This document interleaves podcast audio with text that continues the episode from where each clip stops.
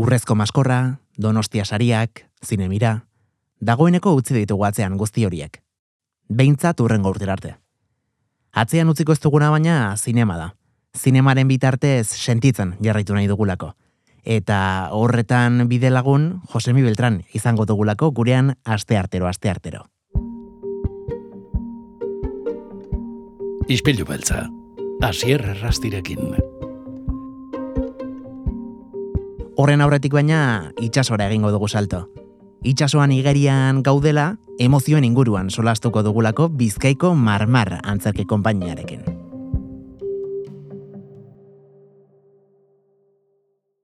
Aritza Rodríguez, ongi etorri gure ispilura. Bai, eskerrik asko. Aritza, e, larun bat honetan donostiara, lugaritz kulturetxera zatozte eskuartean duzuen ikuskizunarekin, arrainak bihotzean izena duena, Antigo auzoko holtza asteburu honetan bidaia magiko batean murgilduko da, ezta? Bueno, bai, ala espero dugu eta bueno, gozo gogotsu ja Donostire e, gure ikuskizuna etortzeko eta ia antzokia batetzen dugun. Marti izeneko aurra da, holtza gainean protagonista moduan ikusi izango duguna obra honetan eta larun bat honetan ere hainbat pasadizo eta aventura biziko ditu gurean. Bai, ba, Marti da gure historiako protagonista, eta bera da 6 azpi urteko inguruko e, ume bat, e, nor e, asierako bidai bat egingo duen, eta joango da, bere amak aginduko dio, aginduko du joan daiten portura askari eramatera ikikeri, eta horraziko da bidai oso, bueno, emozionantea, zirraragarria, eta, bueno, ekintzaz betetako bidai bat, bai. Bere beldurrak e, bilatzera joango da, berak eh, printzipio baten ez dakiz zer diren beldurrak edo non dauden beldurrak, eta erabakiko du ba, bere beldurren bila joatea. bai, aipatzea gainera martiren aita marinela dela, ezta? Eta portuan bere zain dagoen egun gris horietako batean ekaitzak harrapatu eta uretara jaurtitzen duela aurra eta bertan urrazpian murgildurik e, martiren eskutik ba, besteak beste beldurra zer den ezagutuko dugu. Ba, ala da, bera egongo da, bera ikilegaz portuan itxaroten, e, aikile momentu baten e, balon jaradoa parejuak eta salabardoa iztera, eta justo momentu horretan hasiko da kristolako kaitz eta uretara botako dau, eta horre, pues, e, bidai bat egingo du, e, non bere beldurrak e, aurkituko dituen eta bere beldurrak kudeatzen ikasiko duen. Edo horretan saiatuko da behintzat bai. Esan genezake aritza, arrainak bihotzean ikuskizuna hasiera batean aurrentzako idatzitako testua edo lana dela?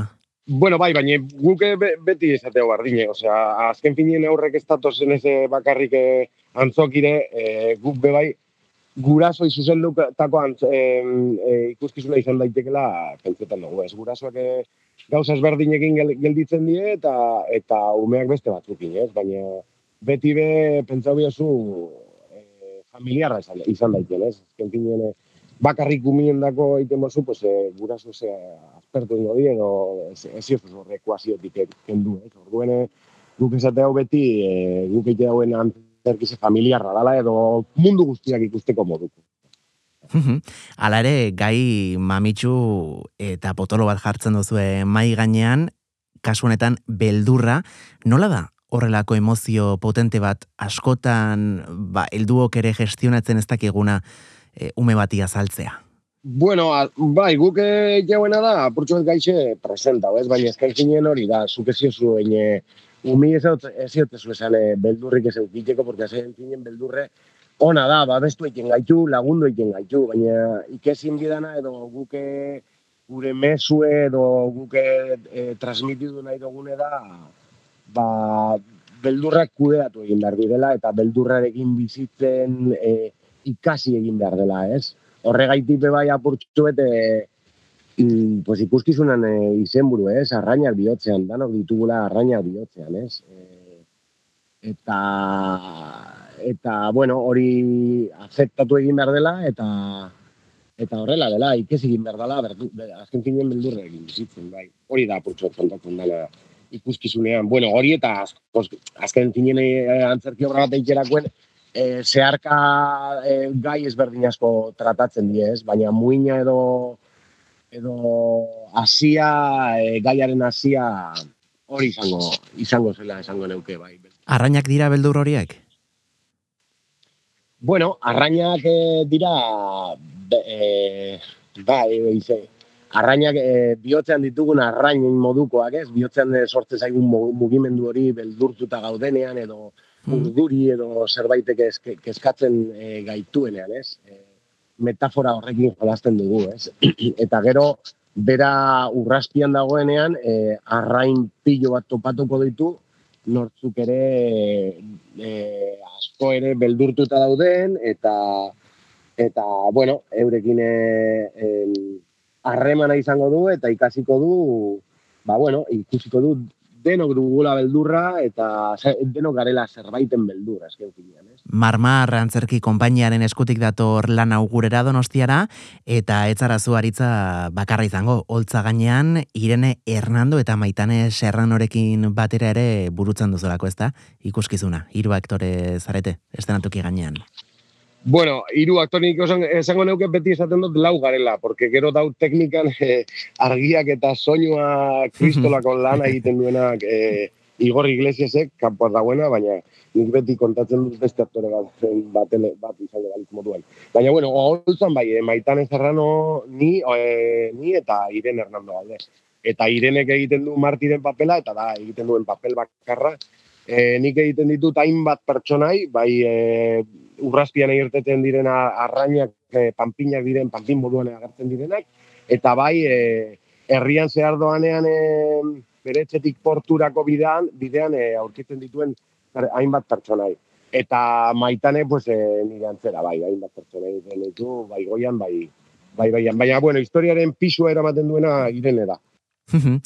Azken urteetan, aritza agian oitu ere egin gara, mm, antzerki obretan holtza nahiko gutxik ikustea, e, bueno, ba, efektu gehiagirik ere mm, ez izatea mm, antzokian, baina kasu honetan zuen proposamen artistikoan erabat, e, bueno, mm, zoragarria da, e, bai musikatik hasita, baita espazio arte atretzoa, e, dekoratuak, e, erabiltzen ditu zuen e, marionetak, aipatu duzun e, argiztapen, e, bueno, lan guzti hori, zuen fitxa artistikoa parean daukat, eta o, bueno, lan honen atzean jende asko eta izen handiko pertsonak e, daude atzean.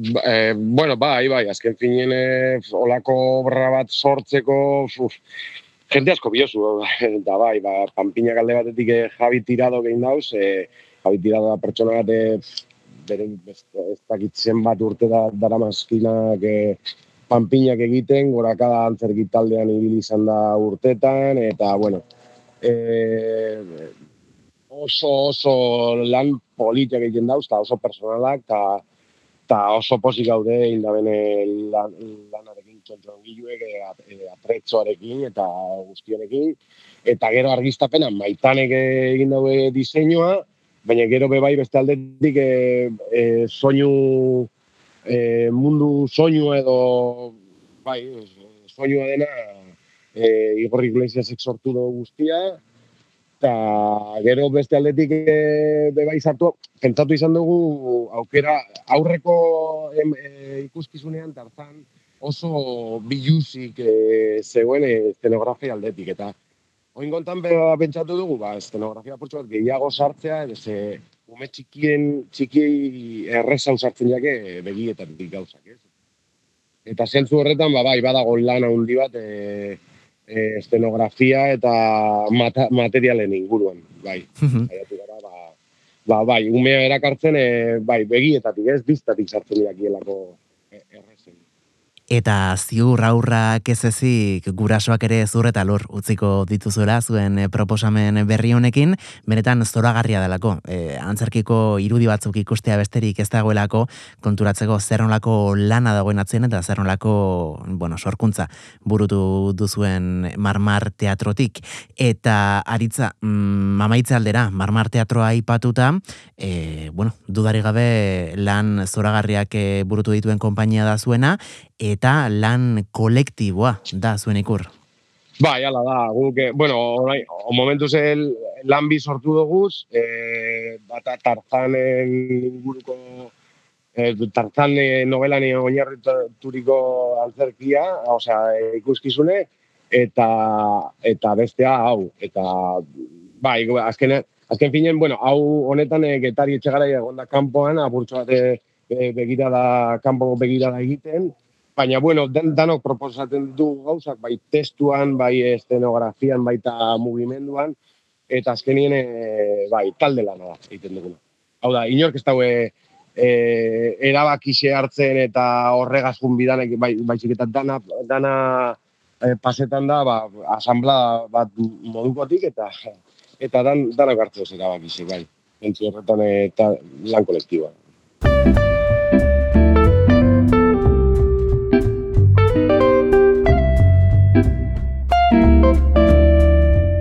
Begirada askoz osaturiko obra izango da larun bat honetan arratsaldeko seiretan, Imanol Lartzabalaretoan lugaritz kulturetxean ikusi al izango dutena, e, iritarrek, e, Aritza Rodríguez, mila mila esker gure izpilora gatik.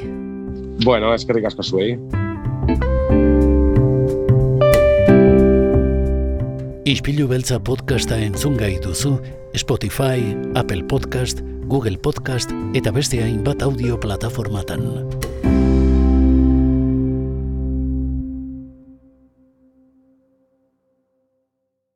Bai, jarraian zinemaren inguruan arituko gara. Baina kasunetan beste angelu oso desberdin batetik. Izarrak eurak baino, izar horien dizdira ardatz harturik bidaiatuko dugulako donostieko zine eskaintzan barrena. Jose Miguel Beltran, ongietorri gure izpeiora? Kaixo, zen Gu oso ondo, nekatuta egia esan, e, zinemalditik nekatuta etorri gara bulegora, eta imaginatzen dugu zuere bai, ezta? bueno, bai, bai, guretzat, guretzat gainera zinemaldia ba beti de, beste, beste zinemaldi bat oso desberdina da, no? E, ikusleekin alderatuta, ba, guretzat zinemaldia da e, lan esparru, lan gune bat, eta, eta bueno, ba, ba, ba beti hemen izatea anfitrioi edo ba, estatuko eta eta kanpoko e, industriaren anfitrioia izatea donostia ba, ba beti guretzat oso erabilgarria da, dela ba, da baina baina baita ere neketsua izan daiteke bai bai beti esan da ez da bi zinemaldi paralelo daudela bata mm. herritarrona eta bestea industrian lan egiten duzuena eta duzenena eta kasu honetan bueno ba imaginatzen dugu jende askorekin bilduko zine eta Josemi, gustatuko litze guke jakitea, ondoren, baitzordu, bazkari, festa guzti horiek, e, zertarako, e, baliatzen ditu zuen? Bai, epe motxean adibidez, e, bueno, beti e, aprobetsatzen dugu e, beldurezko asteari begira, ba, azkenengo kontuak ah, izteko, e, adibidez hauten, ba, bueno, gure inaugurazio filma e, bermin izango izango dena, ba, ba, bueno, banatxeriekin adostu dugu ba, nola egingo dugu inaugurazio hori, zeren nahi dugu apiskat bakutsu berezi bat ematea e, armi arma estralurtarren historio honi, gure, gure beldurezko astean. E, baina baita ere aprobetsatu dezakegu adibidez hitz egiteko edo planifikatzeko ba, bi urte barruko nosferatu zikloa. Hm? Ergoen ah. inguruan egon, egon gaitezke ba, bueno, zenbait egilekin edo zenbait zinema kritikariekin edo harreman berriak egiteko ba, ba beste herrialdetako e, zinemaldiekin. Adibidez, hauten ba, Ego Amerikako zenbait gizasko biden zinemaldiekin egon gara bilduta baita. Beraz, euskera asko ez duzu hitz egiten, ezta, zinemaldian zehar?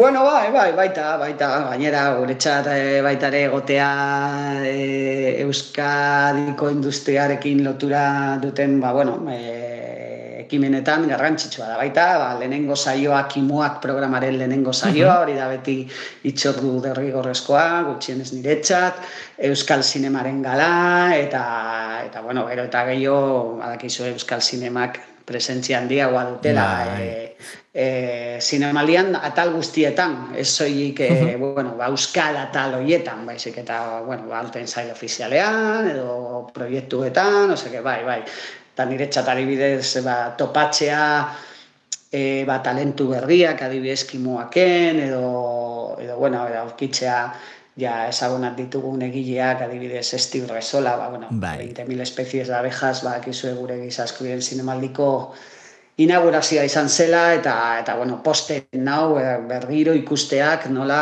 bueno, ba, bergiro e, sari gehiago, eta, eta irabaziko dituena, e, sari gehiago eskuratzen, eskuratzen ari da pelikula hau.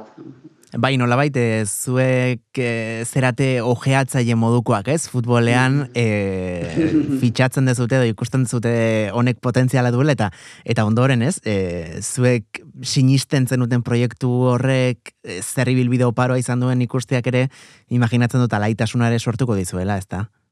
Ba, eta bueno, ba, beste, beste adibide garrantzitsua izan daiteke. Irati jakina, gure beldurezko astearen ba, ba, publikoaren saria, e, beste zenbait e, zinemalditan egonda eta e, saritua baita, eta bueno, ba, agian bere Euskal Herriko ibibilidea hemen bukatu da, eh? e, pantai handian, e, naiz eta, bueno, zirazki gauza asko egongo dira, gehiago egongo dira etorkizunean filmaren txat, baina, baina bai, beldurezko, iasko beldurezko astean egotea, eta hauten, ba, bueno, zinemaldian egotea, zinemiran, baita ere soinu banden kontzertuan, belodromoan, ba, bueno, e, Paulo Kijoren ibilbidea ja, ja, bueno, ja, ja, irati hemen bukatu da, eta ja bidea ireki behar beste proiektu, proiektu berri bati. Ba, bai, gurean, gurean izan zen zinemaldian zehar, mm. zinemaldiaren inguruko jarraipen berezian, eta esan zigun aurrerapen moduan Euskal mitologia lantzen jarraituko duela mm. bere urrengo lanetan, beraz, bueno, gu desiatzen bere urrengo obrak ere ikusteko, eta gaurkoan Josemi, bueno, ba, zuen urte osoko lan, e, bueno, ba, jarrai baten inguruan hitz egin behar dugu, nosferatu zikloen inguruan, e, bueno, bespilu beltza lehen aldiz e, piztu duen arentzat eta nosferatu zer den ezagutzen ez duen arentzat, e, nola, nola definituko zenuke hau? Bueno, nosferatu da beti gure e, tradiziozko klasikoen e, atxera begira da. E, ja, aspaldi hau nosferatu, e, nosferatu zikloak hasiera manzion ia, ia gure sinema unitateari, eh? bere garaian eta eta beti aste azkenero lehen antzokizarrean, orain tabakaleran, baina bueno, e, urtero aukeratzen dugu egile bat, gai bat, genero bat eta horren inguruan ba edo filmografia osoa edo filmografia esanguratsuena e, programatzen dugu tabakalera eta Euskadiko filmategiarekin batera. E, aurten gure gure gaia da Frantziako sinema beltza, e, uh Lepolag, eta eta egon gara ba Ispulu beltzan baita ere astero astero birpasatzen, ba bueno, e, botatzen ditugun e, filuseak Eta ba aste hontan, e, aste azkenean hasiko gara ba denboraldi berriarekin, abendura arte, ba, beste 10 film ba, beste amar e, filmekin. Eta gau raste arte izanik, imaginatzen dute bihar izango duzuela ikasturteko mm -hmm. lehen emanaldia, ez? Hori da, zazpitan, beti bezala, e, zazpiretan, e, eta bakalerako sinema, sinemaretoan, eta film berria esango da El cuerpo de mi enemigo, Le corps de mon ennemi, e, protagonista Belmondo, hm? Jean Paul Belmondo, ba, bueno, ba, urpegi garrantzitsua, e, ziklonetan, dudari gabe, e, e, ja izan dugu ba, Belmondoren beste, beste film bat, eta izango dugu gehiago e, zikloa bukatu baino lehen, ba, bueno, edo Belmondo, Ismontan, Alain Delon, bezalako ikonoak oso garrantzitsuak dira genero honetan, frantzian, Eta berez hau, El cuerpo de mi enemigo, esan zen bere zeigarren filma zuzendari honekin, Henri, Henri Berneil. Hm? Henri uh -huh. da filmaren zuzendaria. Henri Berneil ere izango ditu, Berneilek izango ditu beste, beste film batzuk, e, edo esan du, beste film batzuk e, zikloan. Hm? Eta, bueno, apizka zuzendari komertzial bat, esan dezakegu, baina oso trebea e, genero, genero honetan. Eta, bueno, eroia hemen mm, Belmondoren historioan azten da ba, melodrama batekin, edo burgesiako melodrama batekin. E, batzuek konparatu dute filma El Conde de Montecristorekin. Ah, batira. Zeren, bai, zeren protagonista, bueno, basazpi urte eman ditu espetxean, -huh. bueltatuko da, e, egin zuen krimen batez akusatua egon zen kartzelan, espetxean, baina, bueno, ba, mendekuaren bila, hm? bueltatuko da hmm. bere familiaren gana, E, eta, bueno, ba, handik aurrera ikusiko dugu, ba, pizkat baita ere, ba, salaketa bat, e, burgesiaren, hipokresiaren kontra, esan dezakegu, E, eta eroiak ere eroia ere ez dago ez dago bertutez beteta esan dezakegu ah. baita e, eta hori da ba, film, film bentsaren ba, bueno, ba, esaugarri bat izan daiteke no? genero, genero honen e, ba, bueno, esaugarria bai ziur... Ambiguatosun hori, edo. Bai. bai, bai hori esan behar nizun, ziur, eh, entzuleren batek baino gehiagok, tartean nik, agian, e, e, zinema beltzaz e, aritzen garenean, nola baitere aurre iritzi batzuk dauzkagu, ez dakit, e, kasunetan bihar eta bakalerara ekarriko duzuen film hau erresa den ikusten, e, Ba, ikusten ari gara nola, e, nola ziklo hau oso, oso popularra da, zen, naiz eta, bueno, ba, kalitate handiko filmak e, izan da, e, berez, baita ere, film arrakastatxuak izan ziren gehienak e, Frantzian, bere garaian, eh? Uh -huh. e, hau da, mila bedeatxireun irurogeita amaseiko filma da, eta eta izarrak zeuzkaten eta eta genero honek e, bueno, ba, izarrak sortu zitun e, Belmondo edo Alan Delon bezalako izarrak sortu zitun dudari gabe eta genero e, hau, bueno, ez izituko ez balitz, ba, ba, bueno, agian ez dirateke hain ospetsuak izango. E, berez nik uste, ba, bueno, bai, film, e, zikloaren, bueno, ba, ba, ziklo oso erakargarria horregatik baita. Hm? Naiz eta agian publiko gazte batek ez du ezagutuko hau esalako, hau esalako filmak, zer naiz dira nahikoak telebistan, adibidez edo, e, baina pantilla handian ikustea e, oraindik e, bueno, ba, batzuet daukate bere indarga, beste kasu batzuetan agian ba, pasarte batzuk ez dira oso, bueno, nola esan, e, e, politikoki zuzenak gaur egun ikusita. Claro, claro. ez dute, ez dira ondo zartu, ez?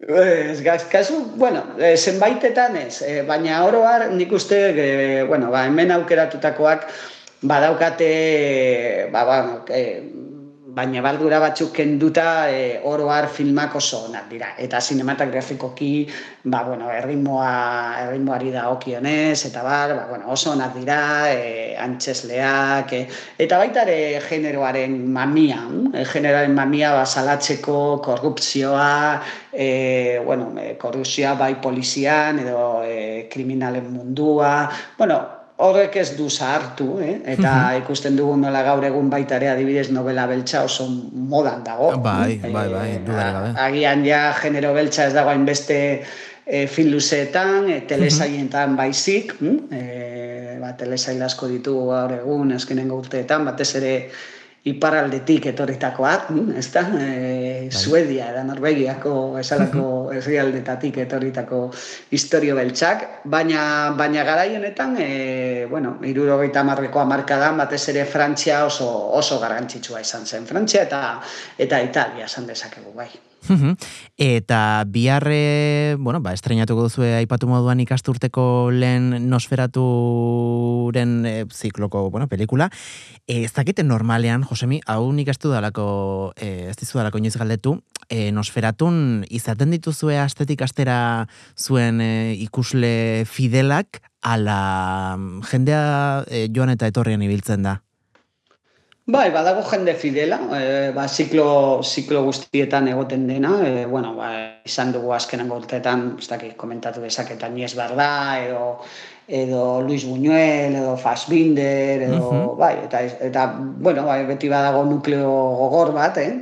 Bai. beti dagoela aste azkenero, aste azkenero, eta bestetan, adibidez kaso honetan, ikusten ari garen bezala, e, ba, bueno, agian, ba, genero hau gustatzen bazaizu, ba, ba, ba, fidelagoa izango zara, baina egia da adibidez egile batekin, agian oso Fassbinder zalea ez bazara, ba, ba, agian Fassbinder osoa ikustea ez aizu bain beste gustatuko, baina, baina, baina beti badago nukleo bat, e, bueno, ba, aukera bat ematen diotela e, ziklo, zikloari. Eta generoekin ba, asko zergazagoa da publikoa claro. hori eukitzea, bai. Zeren, azte, azte bakoitzan, bueno, desberdina izan daitek eman aldia. Hmm, claro.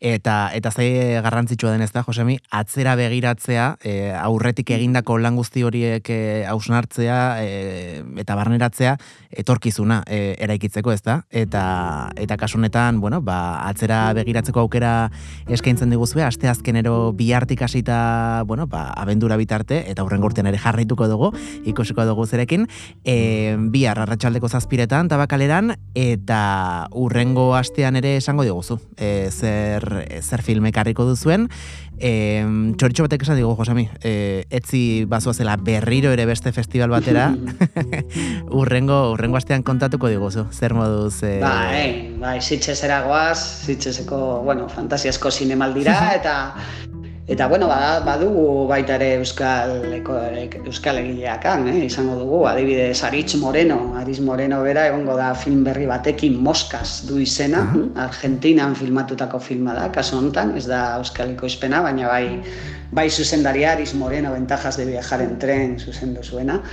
E, eta bueno, la ermita adibidez baita, hori bai euskaleko izpena egongo da egongo da zitzezeko zinemaldian, bueno, bueno, badaude baita ere film laburren bat, edo bai, bai, badaki, badakigu baita ere hemen, hemengo, hemengo sortzaile asko mugituko, mugituko direla handik, bai. Ba, batira, Josemi, gozatu zitxesen, e, alden lan egin, eta urrengo aste artean e, hementsa izango zaitugu, ezta? Izpilu beltzan. Ba, bai, kontatuko, kontatuko dizuet, zehaz. Bai.